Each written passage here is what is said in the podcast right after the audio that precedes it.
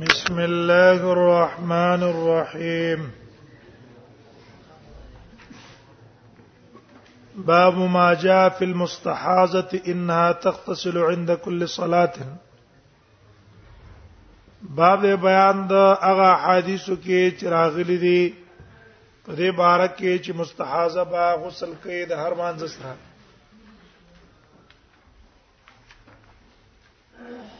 هر مانزه د پاره مستحاضه ته چې دا امر په غسل باندې راغله د جمهور علما او رائے او مذهب دا ده چې دا امر استحبابي ده کني په دې باندې یو ځل غسل فرض ده چې هغه ته ویل کی غسل د طهارت او بیا دا غې نه بعد هر مانزه د پاره او دس کوي وبي قالت سنا قتيبة قال سنا الله سنا بشعب وروان عائشة إنها قالت استفتت ام حبيبة ابنة جحش رسول الله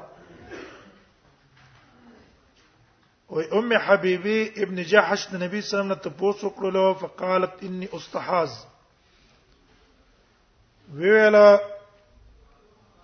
چې په ما باندې حیض راځي فلا اطهر زن پاکېګم اف ادع الصلاه ان زمون پرېدم فقال نبی صلی الله علیه وسلم انا انما ذلك عرق فاغتسله ثم صلي دا رک دې غسل کوا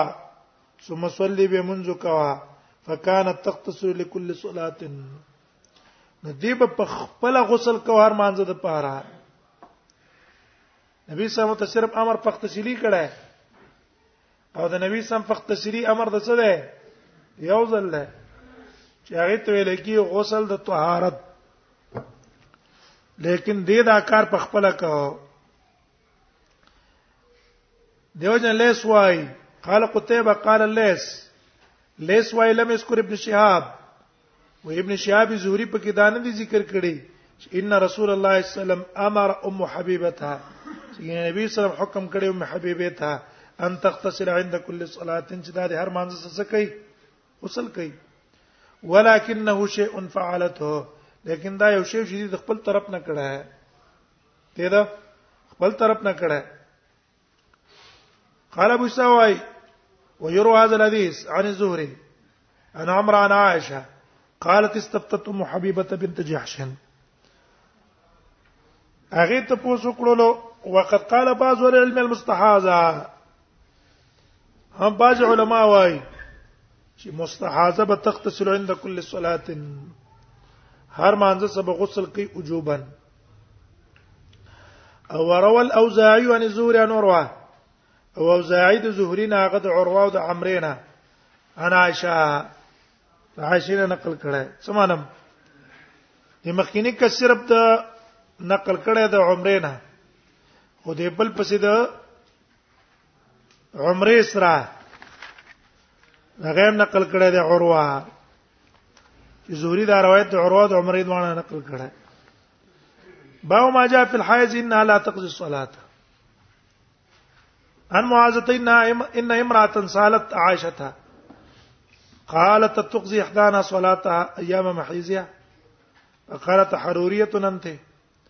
قد كانت احدانا تحيض فلا تؤمر بقضاء قال أبو إسحاق هذه حسن صحيح وقد روي عن عائشة من غير وجه أن الحائزة لا تقضي الصلاة وهو قول عامة الفقهاء هذا عام الفقهاء وقول لا اختلاف بينهم في أن الحائزة تقضي الصوم ولا تقضي الصلاة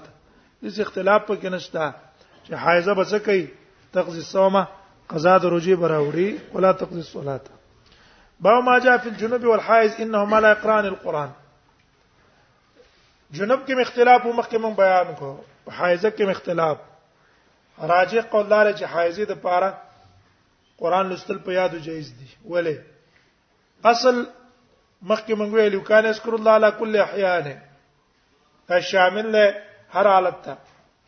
لیکن حالت ته جنابت کې موږ ته خاص کړو د وجه د حدیثو نه موکو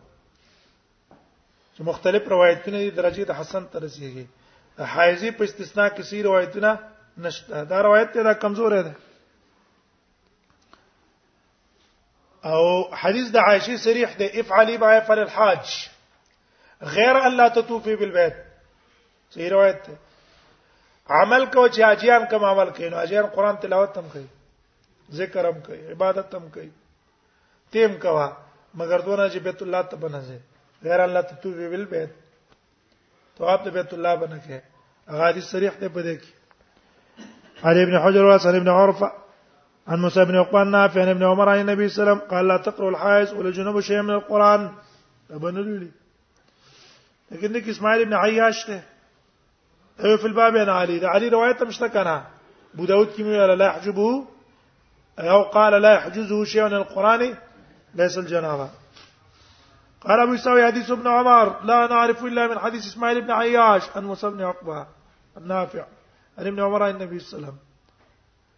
واسماعيل بن عياش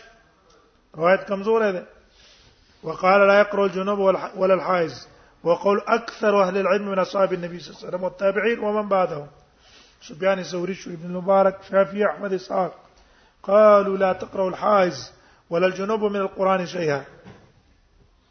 الا طرف الايه ان نيم ايات وي يا حرب ته وي ونحو ذلك ورخص للجنب والحائز في التسبيح والتهليل ها سبحان الله الحمد لله اذكار کولای شي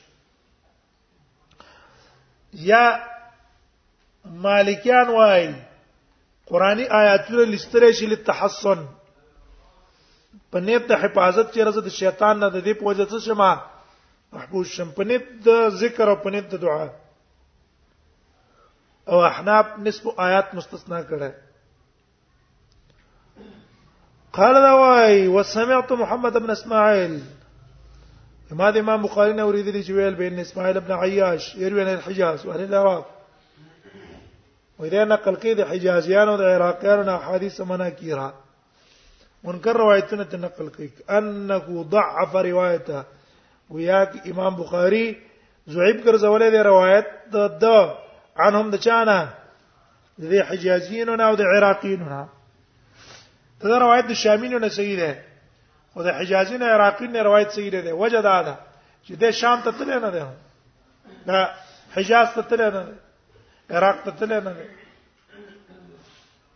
یو تن یو جی ته تل نه یو وای ما د پلان کې نه واورې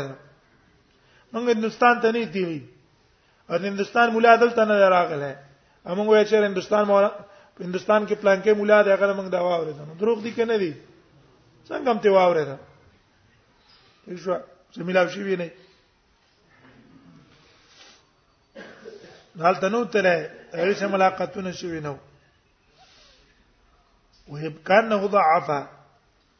فيما يتفرد به وقال انما حديث اسماعيل ابن عياش عن اهل الشام وسيج روايه كم ده حديث ده اسماعيل ابن عياش اهل الشام دلته تقدیر دی يعتبر غو معتبر دی وقال احمد بن محمد اسماعيل بن عياش اصلح من بقيه دا د بقيه نه خره ولې بقيه حدیث مناکر من الثقات وبقيه احاديث منکر نقل کړي د ثقاتونه ابو اسحاق حدثني بذلك احمد بن حسن سند ذکر کوي قال سره احمد بن حنبل يقول بذلك دلتم دا عقبه مصيب بن عقبه حجازي ده کنه دیو روایت کمزور شو او ما جاء في مباشره الحائز بعد بیان د خوراک کا کو څملاستلو د حایزې سره په غیر د جمانه په موضع محسوسه کې او بي قاسن بندار قاسن الرحمن بن مهدي عن سفيان عن منصور عن ابراهيم عن الاسود عن عائشه قال كان رسول الله صلى الله عليه وسلم اذا حازت اذا حست يامرني کله به زه حایزه شوم نبی صلی الله علیه وسلم ما ته حکم کو ان تجربه چې زه د لنګو تړم ثم يباشرني به نبی صلی الله علیه وسلم ما سره مباشرت کاو لنګ به تړلو د دې لپاره چې رکبتین او سره دازې محفوظ پاتې شي ولې قاعده دا د مې را حول الحما یشک وی قافه اسنا چې چرته په دې ټیم کې چرته جماعت نه ونشي په فساد کې پریوځي کنه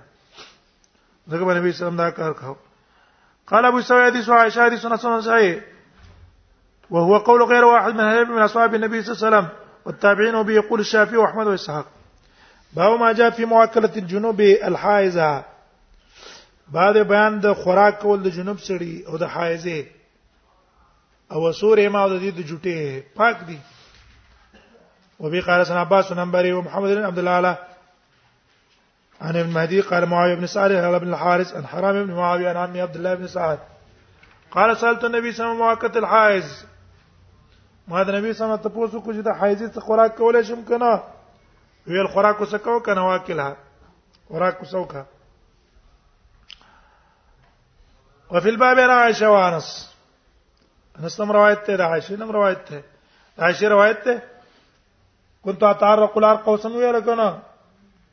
خپه به تو کنه نبی سلام په قضیه باندې خپل کې خوستله قال ابو سعيد حديث عبد الله بن سعد حديث رسول غريب وقول عامه العلم لم يروا بمؤكله الحائز باس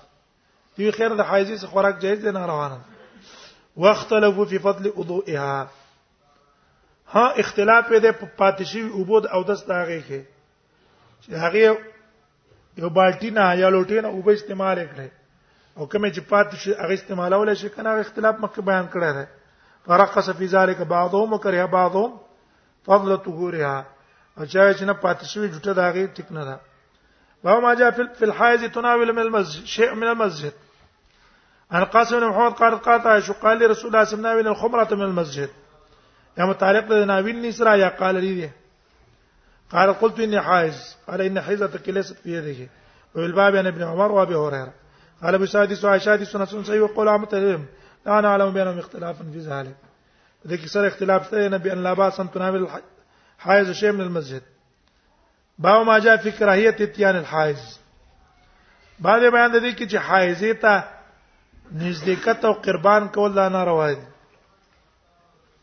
نه به کې وبي قالت سنا بندار قال سنا احمد سعيد وعبد الرحمن بن مهدي وباز بن اسد قالوا حدثنا حماد بن سلمان حكيم الاثرم الحكيم الاثرم روايته دواي انا بتميمه الهجيمي انا ابي هريره عن النبي صلى الله عليه وسلم قال من اتى حائزا او امراه في دبورها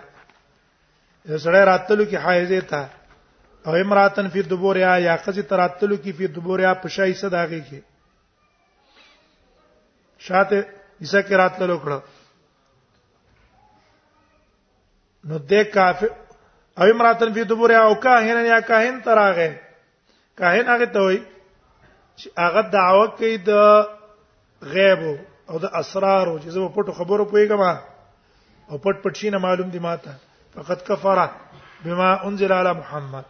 د کوپرو کو پاغسه چې نازل شوی په محمد صلی الله علیه وسلم باندې قال ابو سوي لا نعرف هذا الحديث الا من حديث حكيم الاثرم عن ابي تميمه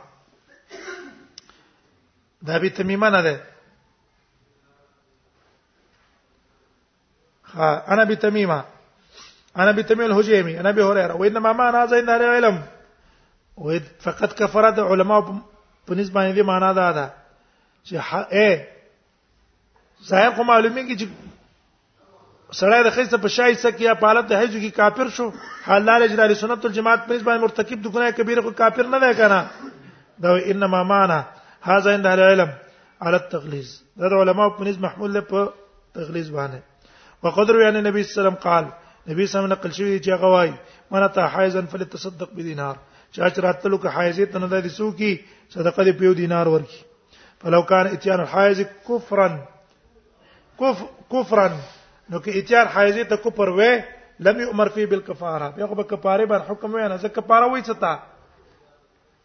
کفاره خو وې دي ته چې تا کوم ګناه کړې ده چې ګناه دې پڅ شي ورجیږي نو په کفاره کو پر رجیږي